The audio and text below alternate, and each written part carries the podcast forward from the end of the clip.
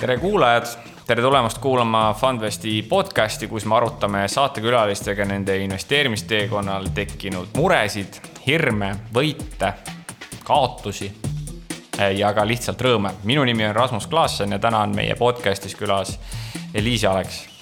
Eliise Aleks on paar, kes oma argipäevaste tegemiste kõrval näevad vaeva finantsvabaduse saavutamise nimel Nende portfell kaldub rohkem kinnisvara poole ja nad on vallutanud Kuressaare kinnisvaraturu. paari aastaga on nad astunud suuri samme investeerimismaailmas, alustasid praktiliselt nullist ning nüüd teenivad passiivset tulu rohkem, kui isegi oskasid ette kujutada. tere tulemast saatesse, kas minu sissejuhatus tabas märki? Tere, väga uhke sissejuhatus. ja minu poolt ka tere, et äh, siuksed tiitlid pandi juba peale, et äh, Kuressaare mogulid ja ei tea, kuhu me siin välja jõuame niimoodi. no see on alles algus, kuidas teil siis sissejuhatuseks, kuidas teil läheb?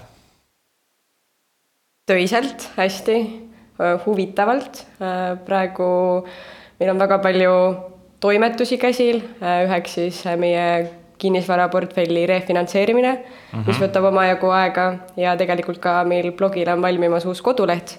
ehk siis äh, kaks sellist suuremat projekti, millega aasta alguses sai algust tehtud. lisaks muidugi tööl käimisele. ja täitsa nõus, et äh, igav ei hakka. okei um,. võib-olla sissejuhatuseks, et millal, äh, millal te paarina hakkasite üldse rahaasjadest rääkima, et, et kas see tuli lihtsalt? No ma ütleks, et meil tuli kuidagi see nii loomulikult ja orgaaniliselt, et me algselt üldse mõtlesime, et me lihtsalt äh, paneme siis ütleme rahaasjad äh, kokku ja planeerime nagu ühiseid kulutusi. aga sealt kuidagi nagu kasvas see edasi, et kuna me mõlemad olime investeerimisega kokku puutunud varasemalt ja siis me leidsimegi nii selle ühise tee, et me ei otseselt niisugust nagu otsust vastu ei võtnud, et me nüüd hakkame koos ühiselt investeerima, et et meil on mõlemal ka varasemalt äh, ikkagi portfellid olemas, et nüüd küll äh, koos ühiselt tehes oleme, ma arvan, märksa edukamalt edasi liikunud kui üksi tehes. ehk siis äh, nii-öelda finantsvabaduseni jõudmine ikkagi koos on äh, lihtsam kui, kui üksi? Mina julgeks küll öelda, et koos on oluliselt lihtsam. ühest küljest äh, siis see, et me mõlemad äh, panustame sellesse teekonda ja teisalt ka see, et kui on näiteks tõesti mõnele kummalgi meist siis äh, raskem hetk mm, -hmm. et mhm. siis teine saab tulla ja aidata nii-öelda tagasi reele.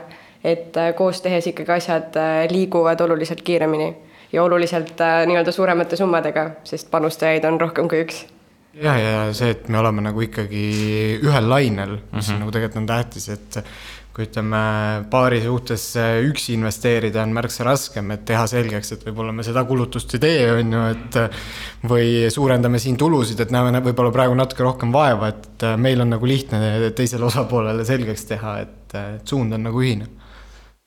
Äh, mind huvitab see, et äh, kuidas kuidas see üksteise toetamine välja näeb, et mis, mis juhtub siis, kui mõlemal on, ütleme, halb päev, et, et kas kumb, kumb siis ikkagi siin see, siis kes keda toetab?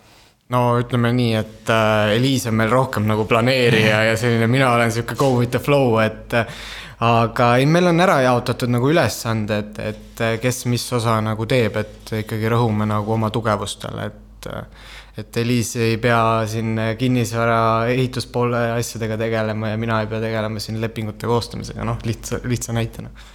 jah, et isegi kui minul on halb päev, siis asjad saavad ikkagi tehtud ja ma arvan, et, et see on ka meid aidanud, et äh, järjepidevus kannustab seda. siin paar küsimust tagasi mainisite, et blogile tuleb uus äh, koduleht, et äh, võib-olla räägite, et millal te selle blogiga alustasite ja ja kuidas selle blogiga siis läheb? alustasime, mõte oli varem, alustasime varsti pea aasta tagasi ja mõte tuli tegelikult siis sellest, et ma olen hästi selline inimene, kellele meeldib kõike dokumenteerida mm, -hmm. kirja panna ja kuidagi Alexit algul võttis natuke no võttis aega. No siiamaani võtab. Et, et moosida, moosida sellesse, aga samas see on hästi-hästi äge, et tegelikult ikkagi tagasi vaadata et kust me alustasime ja kus me tänaseks jõudnud oleme. Ja tegelikult blogi on ideaalne viis siis tegelikult äh, seda teha. Ja siis ka tegelikult äh, jagada siis nii-öelda neid teadmisi ka teistele, sest mulle kohati tundub, et see investeerimine võib-olla noorte jaoks just kinnisvarasse tundub äh, kättesaamatu mm, -hmm. aga see tegelikult ilmtingimata ikkagi ei peaks olema äh, nii kättesaamatu, kui ta võib-olla esialgu tunduda võiks.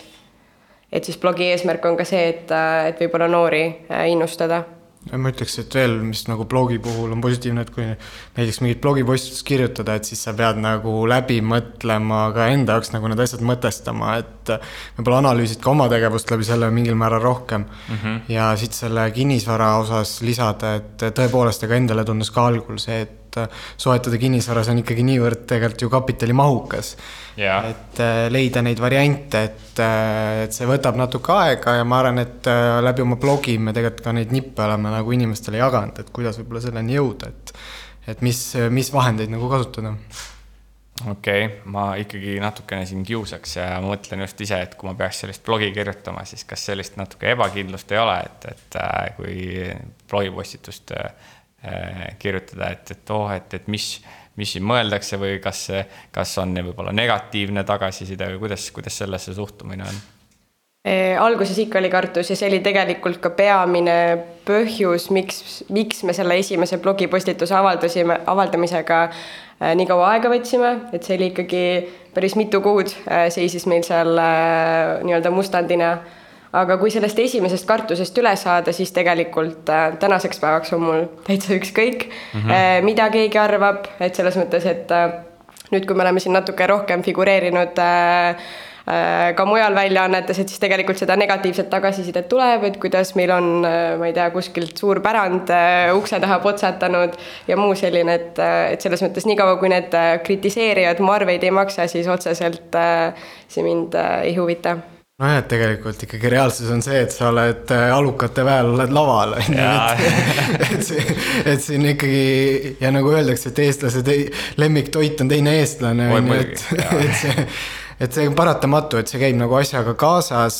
et äh, ja noh, sinna ei olegi nagu midagi teha, et ma arvan, me oleme sellest üle, sest meil on ikkagi nagu omad eesmärgid, kuhu poole me nagu püüdleme. ja kui me saame kasvõi paari inimeseni jõuda ja jagada oma nagu siis äh, kogemust ja anda mõtteid, kuidas edasi liikuda, siis see on juba võit tegelikult. äge, seda on äh, lahe kuulda ähm, kuidas te sellesse investeerimismaailmas äh, üldse jõudsite ja, ja kuidas jõudsite, ütleme, kinnisvaraturule? selline küsimus, mis sisaldab siis noh, nii-öelda kahte tegelikult mingis mõttes sarnast, aga, aga erinevat aspekti no minul oli nii, et äh, mu hea sõber äh, Jegor äh, kunagi kinkis mulle raamatud investeerimise osas, et need seisid, ma arvan, niisugune pea poolteist aastat seisid riiuli peale, kogusid tolmu, et ega ma mingi hetk ei teadnud kahekümnendates, et mis see nagu, kahekümnendate alguses, et mis see investeerimine on, aga siis mingi hetk äh, minul läks pall veerema Tallinna Sadama IPO-ga, et et ma siiamaani olen seda nagu positsiooni oma portfellis hoidnud ja ei kavatse nagu realiseerida, et pigem ongi sihuke, et tulevikus on hea tagasi vaadata, et mis sellest esimesest investeeringust nagu saanud on.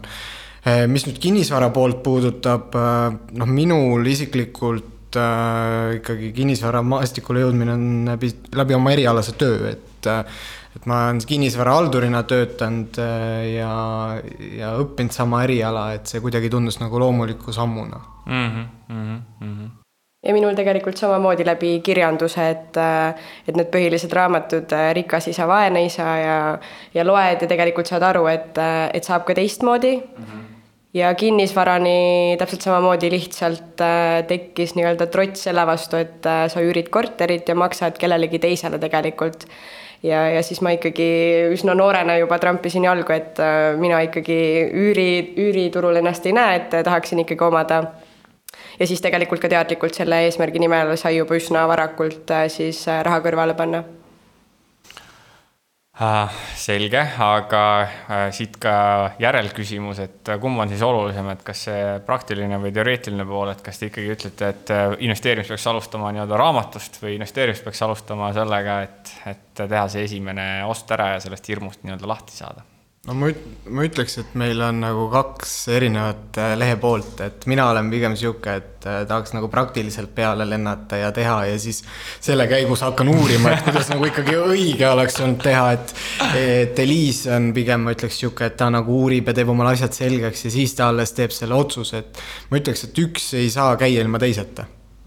aga mina olin hästi pikalt see, et ma olin hästi raamatutark selles mõttes ma olin äh, suhtarvudega analüüsinud väga palju aktsiaid, ilma tegelikult siis mingit aktsiaportfelli omamata mm. -hmm, et mm -hmm. ma enne investeerimist teadsin, kuidas suhtarve arvutada Excelis, et mul olid suured süsteemid juba paigas, aga, aga see esimese sammu tegemine võttis liiga kaua aega no mina näiteks oma esimesi aktsiainvesteeringuid üldse ei analüüsinud, et lugesin ja läksin ikka noh, nii nagu ikka õige mees, lõin rahapaki lauale ja läksin ostsin, on ju, et teadmata isegi, et mis see aktsia endast kujutab ja mis, mis õigused mul sellega kaasnevad, et siis hakkasin mingi hetk vaatama, et mingi raha hakkas laekuma, et mingi dividend tuli järsku, et, et kuidagi see tuli siukse nagu loomulikult, jah ma vist ise olen natuke nagu miks teist kahest, et, et ma olen ühtepidi, ma olen natuke ka nagu book smart, aga teistpidi ma ega, ega seda esimest investeeringut tehes ega ei, väga palju ei.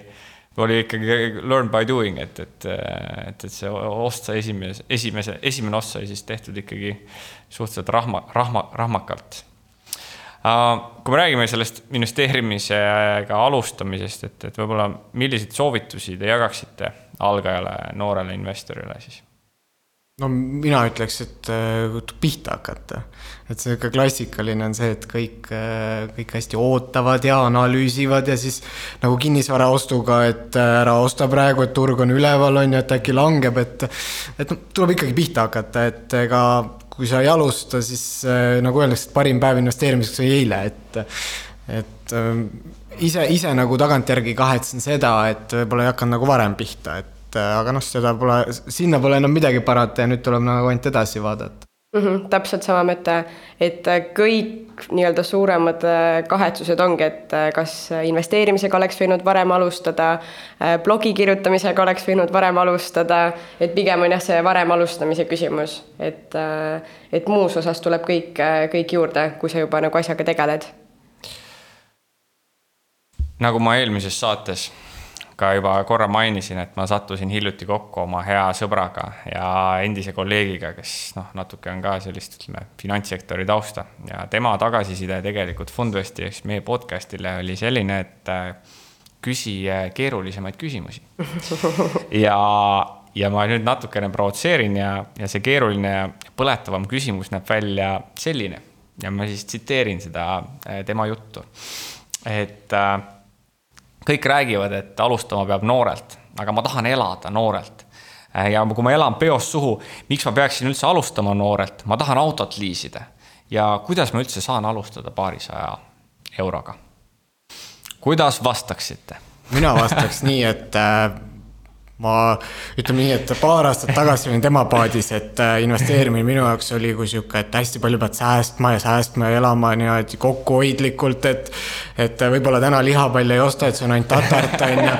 et äh, praegu pigem on nagu, pigem olen seda mentaliteeti, et panusta endasse mm -hmm. esmalt äh, õpi, saavuta, ütleme, mingi positsioon tööturul mm -hmm. ja ikkagi panusta sellesse, et suurendada oma sissetulekuid mm. -hmm. et pigem probleem on nagu inimestel selles, et kõik jäävad sinna, ütleme, ei, ei taha panustada endasse, on ju, ja jäädaksegi nagu võib-olla siis mingil määral madalama palga juurde ja siis sul tõe, tõepoolest ei olegi väga palju investeerida, sest noh, ega elada ka tahaks, nagu sa ise mainisid, on ju, tahaks autot, on ju, et bussiga ka kogu aeg ei viitsi sõita mm. -hmm. et äh, jah, ma ütleks, et iseendast tuleks alustada, et äh, tuleks omandada mingi hea eriala ei pea olema üldse kõrgharidus, tänapäeval on ju väga häid mm -hmm. töökohti, kus äh, käid ametikoolis ja sa oled turu peal väga nõutud spetsialist ja sa teenid kindlasti sama palka, mida teenivad meie Riigikogu saadikud, on ju, aga mhm. selleks sa peadki nagu natuke panustama mina ütleks nii, et tegelikult saab väga hästi teha mõlemat,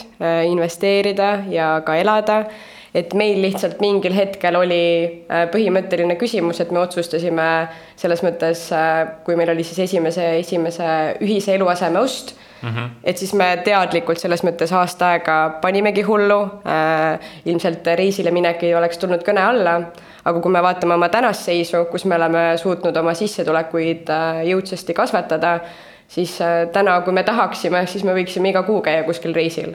et, et täna meil selliseid piiranguid enam ees ei ole.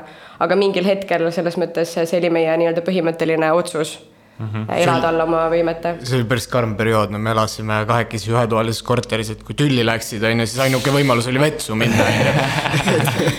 et äh, ega noh, ütleme mingi, et mingid etapid tuleb nagu läbi käia, et ega mul oli ka nii, et äh, mingi hetk panid kõik oma kulud kirja, no ei jõua kogu aeg üles kirjutada, et käisin lõunal või jõin kohvi, on ju, et mm -hmm. kuskil tuleb leida see nagu tasakaal ja öelda, et see on nüüd õige, noh, igaüks peab ise tunnetama väga huvitav, sellepärast et ega minu vastus oleks üsna sarnane, et äh, ega ei tohi karta neid äh, suuri kulutusi, vaid äh, pigem on vaja tegeleda sellega, et tulud üles saada. nii et sellest lähtuvalt ma siis küsin ka oma järgmise küsimuse, et kui me räägime sissetulekust ja sissetulekuallikast, siis mitu lisasissetule, sissetulekuallikat teil on? kusjuures küsimusi nähes me lugesime need kokku, me ei olnud selle, selle, seda nii-öelda arutanud enne äh, seda küsimust siis ja tuleb välja, et neid on kokku üksteist ah,. Wow.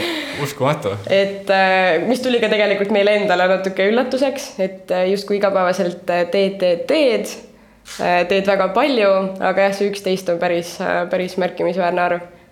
ja mis selle nagu üheteistkümne juures nagu on nagu lahe vaadata, on see, et kuidas on passiivsete sissetulekute osakaal on nagu siin eh, viimase aasta jooksul nagu märkimisväärselt kasvanud mm, -hmm. et mhm. et ei ole ainult nagu aktiivsed tulud, et et see ongi niisugune hea miks asjadest ja see hajutab ka tegelikult ikkagi riski, et kui me võtame näiteks praeguse noh, ütleme majanduskeskkonna, mis on äh, keskmisest ebastabiilsem, on ju, et sõltuda nagu. keeruline, ütleme keeruline.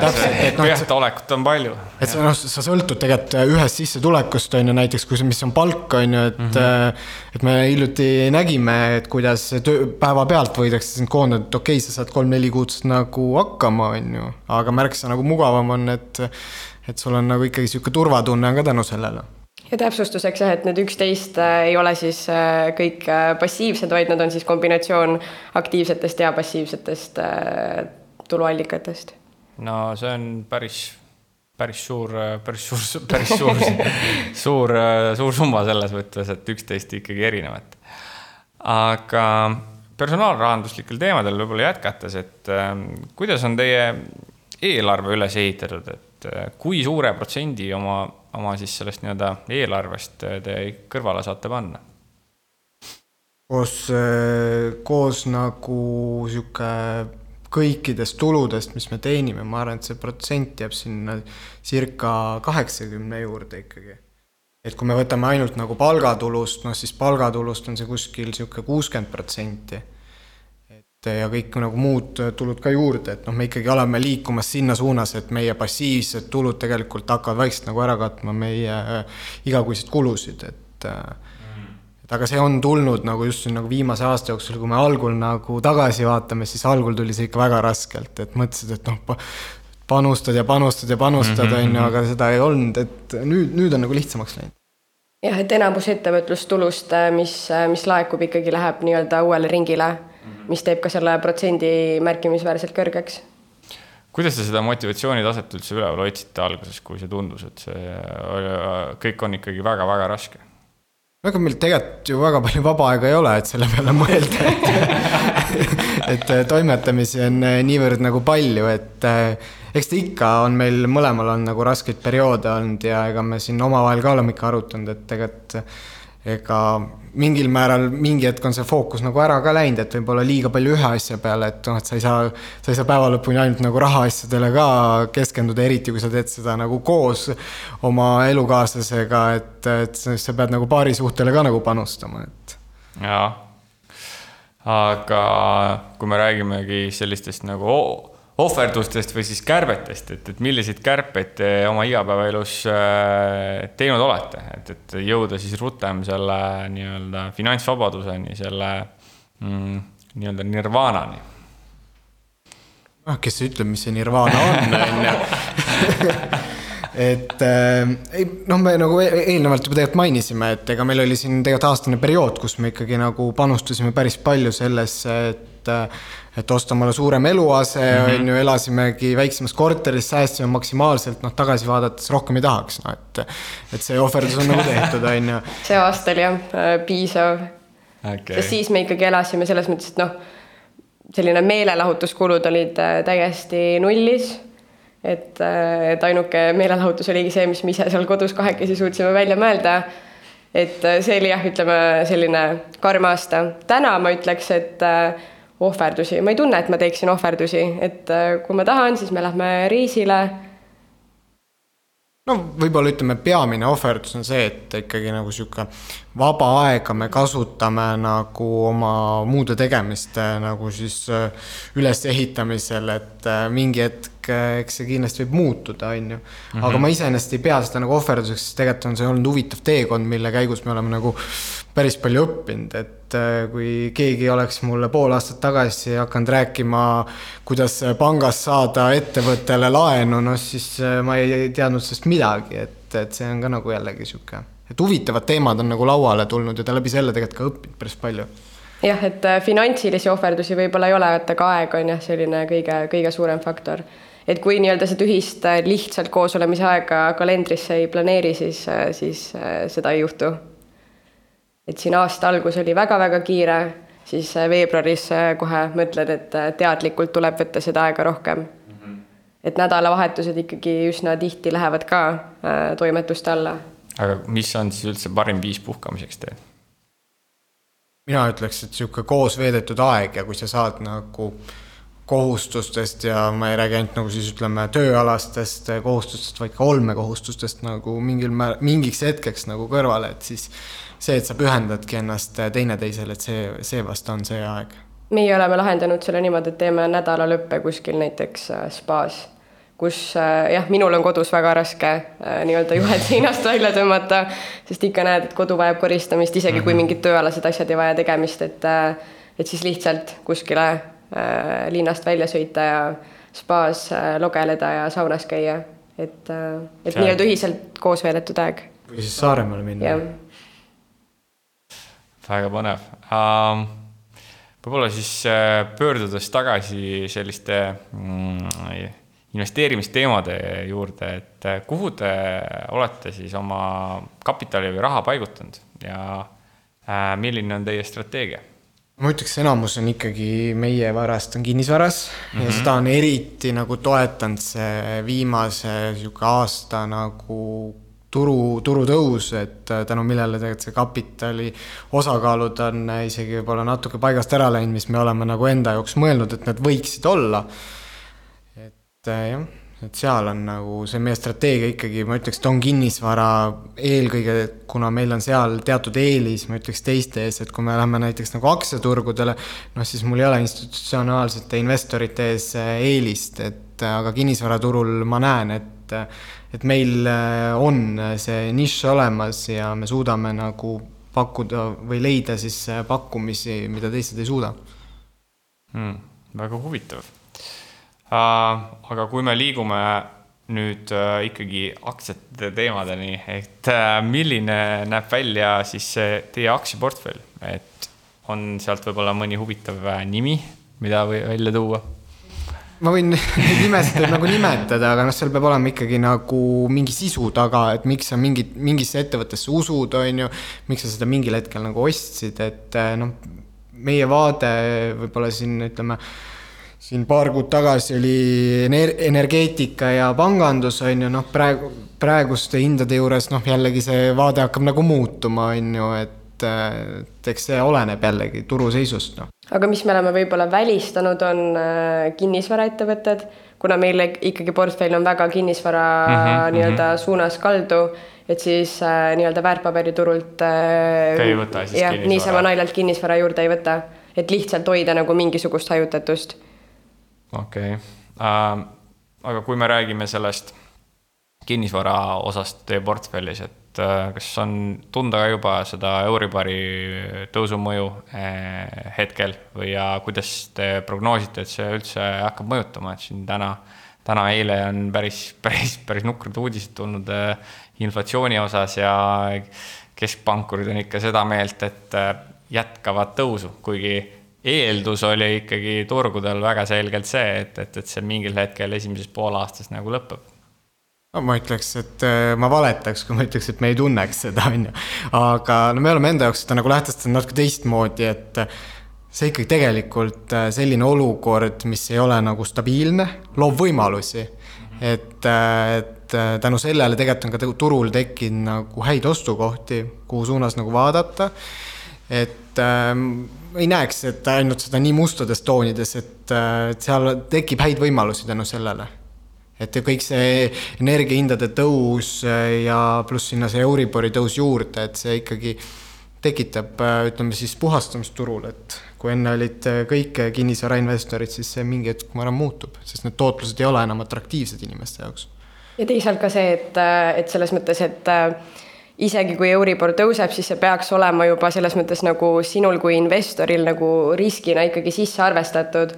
et, et jah ta mõjutab meie nii-öelda nagu kasumlikkust, aga, aga tänasel päeval ikkagi selles mõttes äh, see nii-öelda vahe, mis meile ikkagi kätte jääb, ikkagi on veel täiesti okei okay,, arvestatav summa. et isegi kui see Euribor peaks siin nagu veel tõusma, et äh, minul on näiteks uni väga rahulik ja, ja igapäevaselt äh,, igapäevaselt ma seda niimoodi ei jälgi. Et äh, äri on äri. Mm -hmm. ja, ja selles mõttes äh, äriplaan peakski olema niimoodi üles ehitatud et ei ole see, et kui Euribor natuke tõuseb, siis, siis asjad ei mängi välja.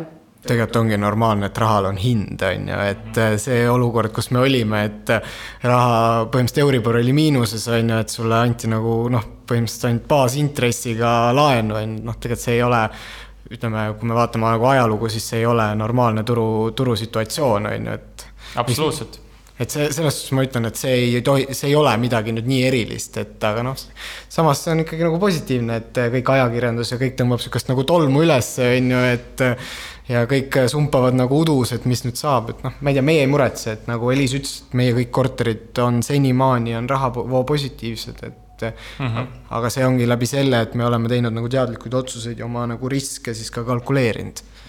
mulle näiteks väga meeldib Aleksi lähenemine, et äh, et äh, tihtipeale ta vaatab kortereid enne, kui ta on hakanud siis otsima nii-öelda nagu finantseeringut ja siis äh, tema vastus alati on, et äh, raha leiab alati, küsimus on raha hinnas.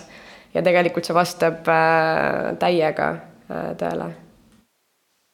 ja äh, kusjuures ei olegi mul ka siin nii-öelda vastaspoolena muud, muud, muud öelda, kui et olen nõus ja, ja selles võtmes on väga hästi välja toodud, et ajalooliselt on see pretsedenditu olnud, et äh, rahal hinda ei ole ja nüüd on taaskord on see nii-öelda rahale siis äh, hind pandud.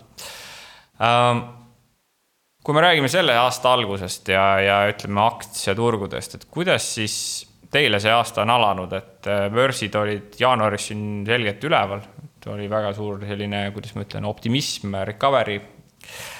nüüd samas veebruaris me näeme, et natuke indeksid on maailmas järgi andnud, et kuidas, kuidas see teid on mõjutanud?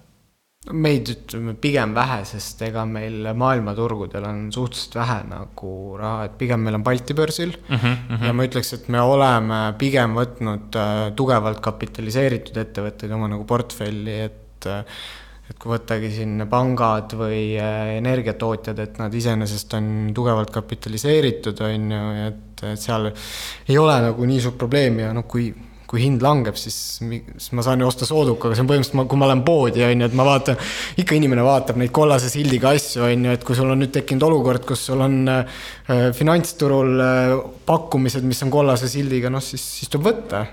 mida punasem on, seda atraktiivsem see Aleksi jaoks on.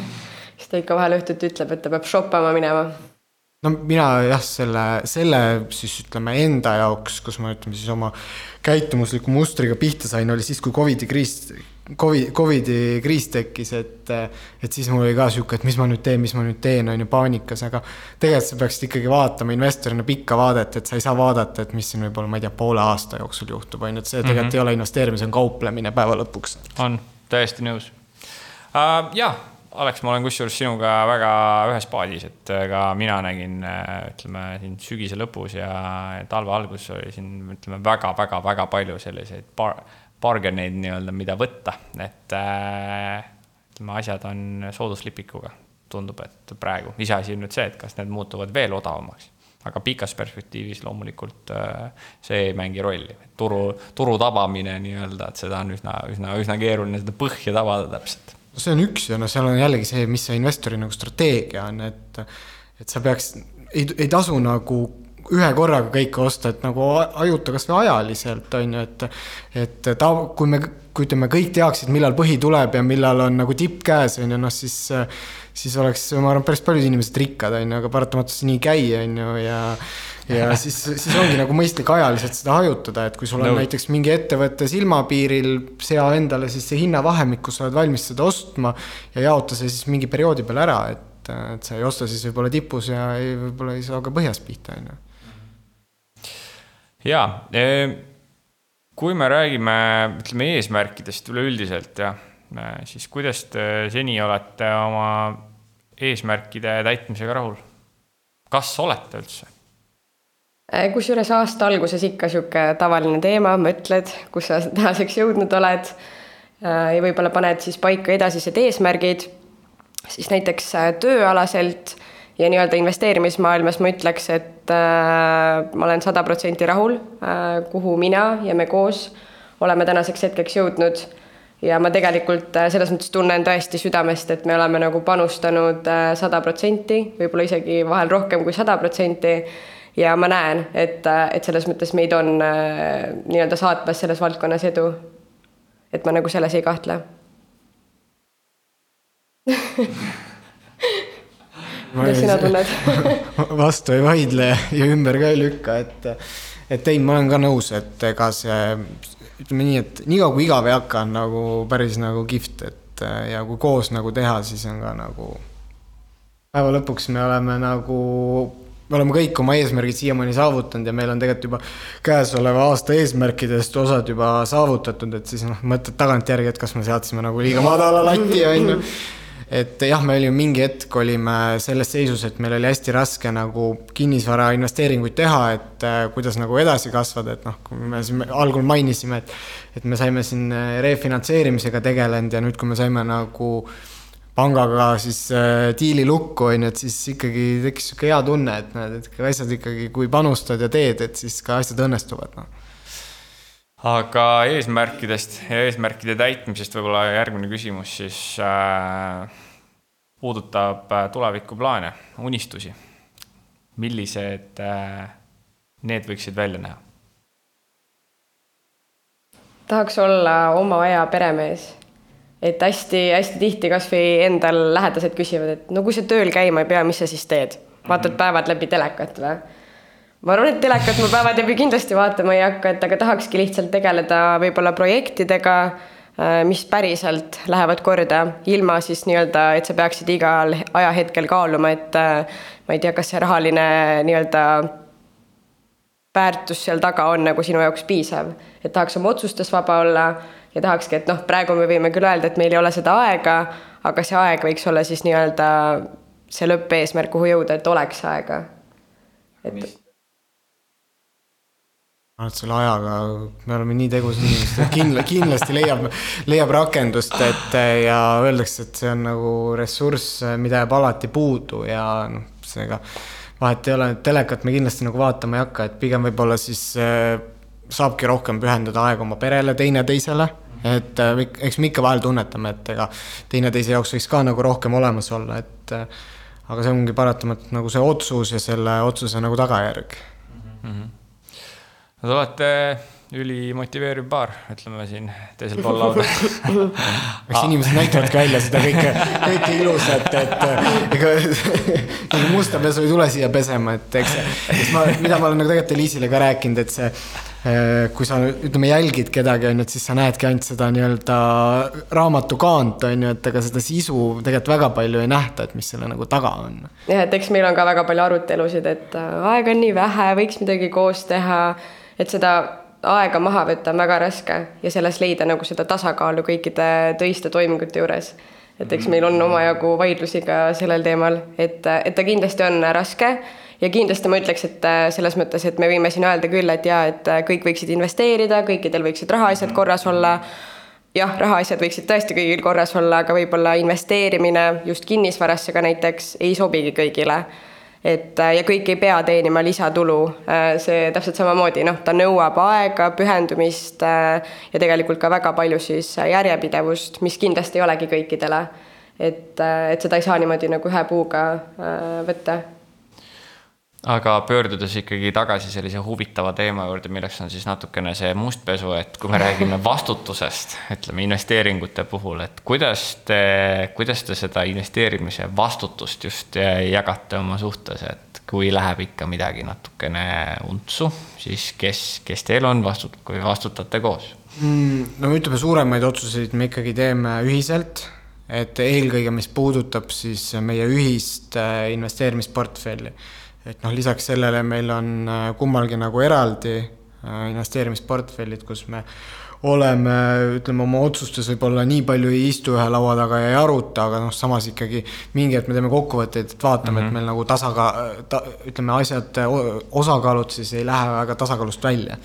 et äh, ma ütleks, et ikkagi ühiselt, et siuksed suuremad asjad me arutame läbi ja strateegia on ka nagu ühine, et äh, et see, et kas äh, osta täna või homme või ülehomme, et noh, seda me võib-olla iga päev ei aruta ühiselt. ja näiteks minul puuduvad siis selles mõttes kinnisvara äh, alased teadmised, et äh, meil on olnud siis näiteks korteriost niimoodi, et mina enne äh, notaritehingut korterit ei olnud näinud, et selles mõttes sellistes küsimustes ma ikkagi usaldan sada protsenti Aleksit, et kui numbrid jooksevad kokku, siis, siis, siis ei ole küsimust. aga jah, selles mõttes, et sellised põhimõttelised otsused on ikka ühised kas äh, te olete rääkinud ka sellest, mis saab varadest siis, kui äh, teil peaks näiteks äh, suhe lõppema? ja nagu ma enne mainisin, et meil on ikkagi mõlemal eraldiseisvad varaaldusettevõtted mm, -hmm. mille alt me toimetame ja siis nende alt me siis finantseerime meie ühist, ütleme siis varaaldusettevõtet et kõik on nagu tagatud siis äh, lepingutega ja samamoodi selles ühises äh, varahaldusettevõttes meil on viiskümmend, viiskümmend osalus, et mm. -hmm. et ei, ei ole kõiki mune nagu ühte korvi pannud, et oleme nagu selles mõttes nagu hajutatust hoidnud ja lisaks siis ka ju tegelikult eraisikuna, et võttagi need kõige paremad investeeringud, teine ja kolmas samm, teine ja kolmas sammas, samamoodi väike aktsiaportfell, et aga samas ikkagi hetkel või noh, ma arvan, et olukord on hästi nii kaua, kui mõlemad reaalselt panustavad sada protsenti. Mhm, et, mhm. Äh, et kui oleks see, et mina peaksin seal õhtuti arvuti taga mingeid laenulepinguid äh, vorpima ja ma ei tea, näiteks mina tegelen siis üüriarvetega, peaksin nendega üksi tegelema ja Alex vaataks samal ajal, ma ei tea, korvpalli telekast.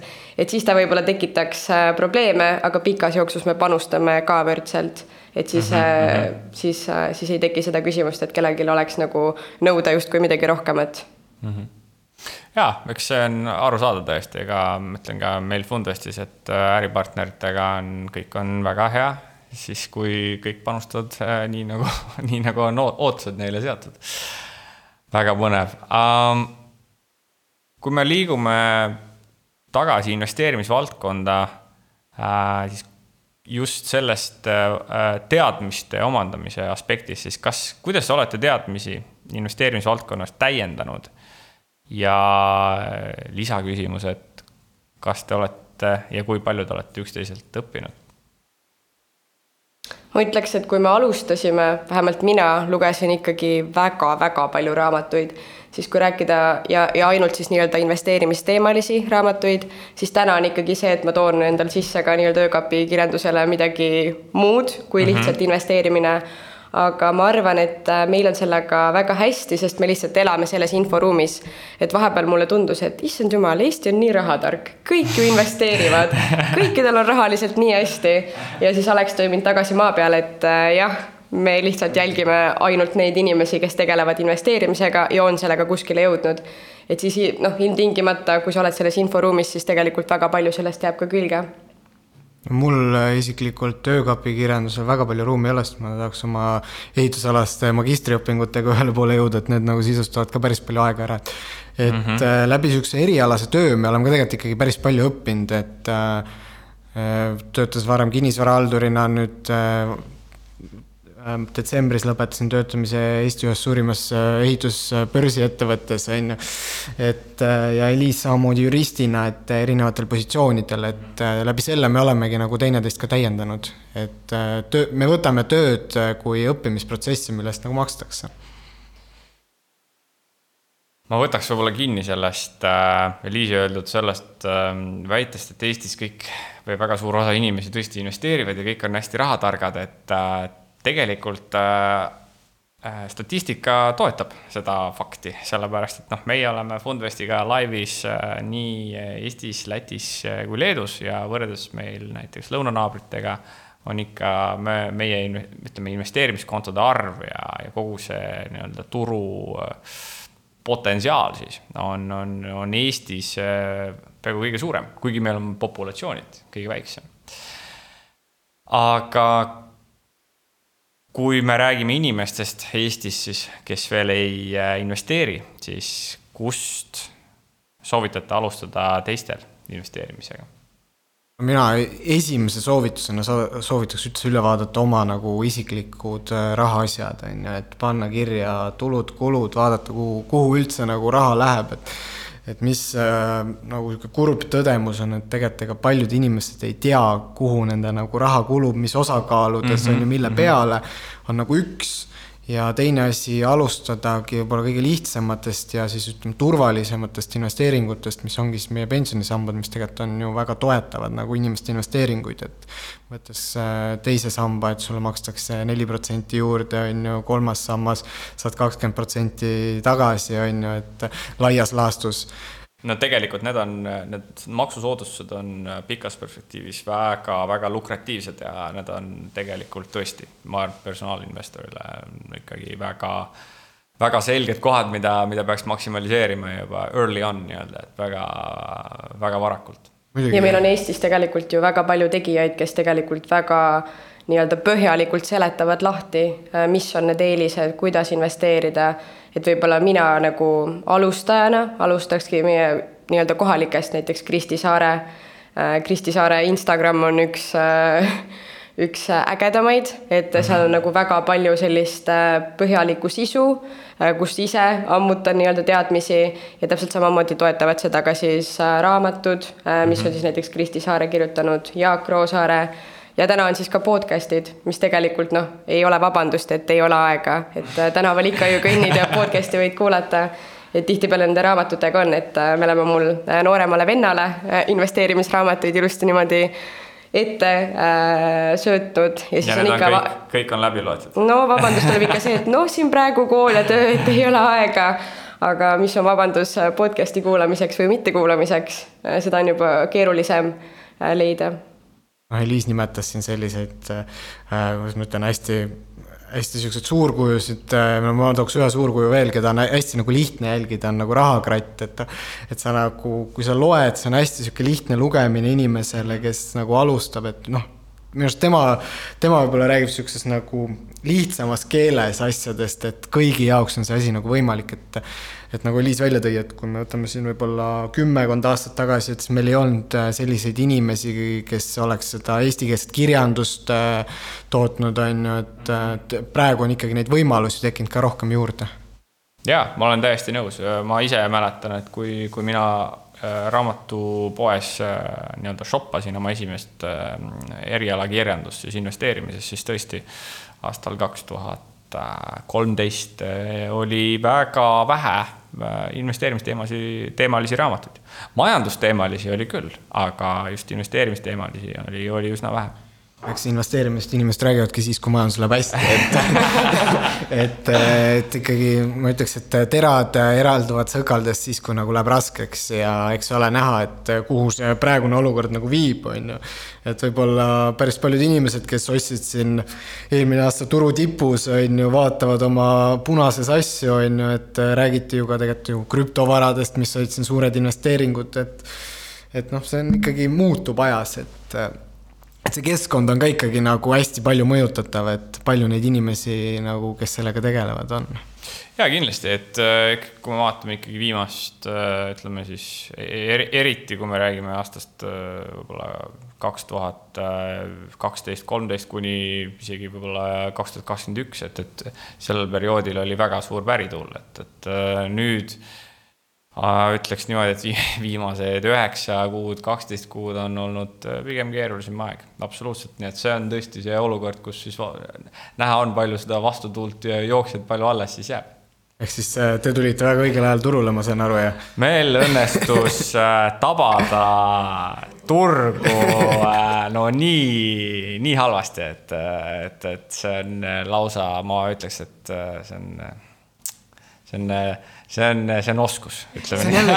aga ma ütleks jällegi päeva lõpuks on see mentaliteedi küsimus, et äh, sellises nagu hetkes tegelikult ju ikkagi tekib mingeid muid võimalusi ka rohkem, et et äh, noh, see on jällegi, et inimesed näevad siukses nagu hästi halvas toonis, et tegelikult äh, ma olen ennast üritanud nagu mõtestada nii, et igas nagu siukses raskemas hetkes tegelikult on ka võimalusi rohkem, kui on, ütleme siis tõusval turul ja stabiilsel ajal, kus põllul lilled õitsevad, on ju, et ja kusjuures meil eelmises saates oli just äh, Gerda Rand külas, kes siis ütles ka ikkagi kuldsed sõnad, et ei tohi alla anda kas ma saan, kas ma saan tema koha peal istuda või?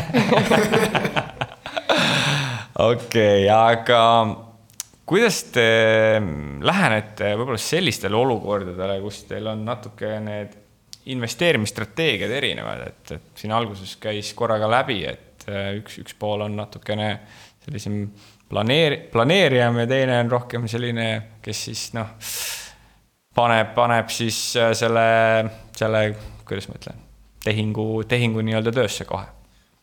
Täiendame teineteist väga hästi. Et äh, mina, kes on sihuke go with the flow on ju, Liis tahaks natuke kaalutletult, et ma arvan, me leiamegi selle õige kuldse kesktee, et äh, kuidas nagu asjad äh, lukku saada ma ütleks ka, et, äh, et niisugune suurem pilt on meil ikkagi läbi arutletud, kirja pandud mm. -hmm.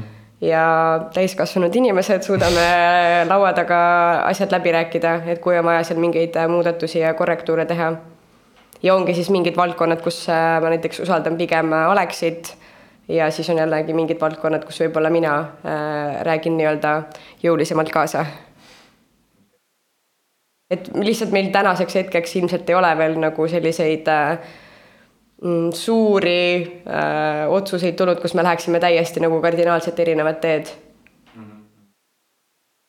võib-olla mingite korteritega, sest mina olen väga visuaalne inimene, et kui korter on nii-öelda nagu pildil ilus äh,, lähed sinna sisse, lilled laual, siis mina juba sisuliselt olen mingi, et okei okay,, pangaga räägitud sõlmime selle lepingu ära mm. -hmm. et seal võib-olla meil on natuke selliseid äh, vaidluskohti tulnud, et äh, astume korterist välja ja mina ütlen, et no nii, millal notari tehingu lukku paneme.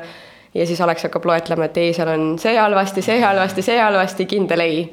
aga seal ma jällegi selles mõttes sada protsenti usaldan siis Alexit, et äh, no näiteks nagu mina, ütleme nii, et kui mina peaks hakkama meie üürikorterit sisustama siis ma arvan, et meil ei oleks üürnikke et, äh, et no ütleme nii, et äh, kui muusikutel öeldakse, et on äh, elevant kõrvale astunud muusikaga, et siis minul on ikkagi selle sisustamisega ikka nii mööda läinud, et et jumal tänatud, et Eliis selles pooles on märksa pädevam kui mina. et jah, selline jagatud vastutus. okei okay., siis see on ikka tõesti nii, et nii-öelda täiendate üksteist. jah aga kui me räägime üldse investeerimismaailmas toimuvast, siis äh, kuidas te ennast kursis hoiate sellega, et millised on teie äh, lemmikud äh, väljaanded või, või kanalid, et kas te jälgite mingeid blogisid, on need mõne podcast'id, mille kuulamise vastu ei ole, ei saa olla ühtegi argumenti? no ütleme nii, et peamiselt äh, ikkagi igapäeva, igapäeva siis uudised mm, -hmm. et olla siis nagu uudisvoos sees, olla kursis, mis nagu maailmas ja Eestis toimub.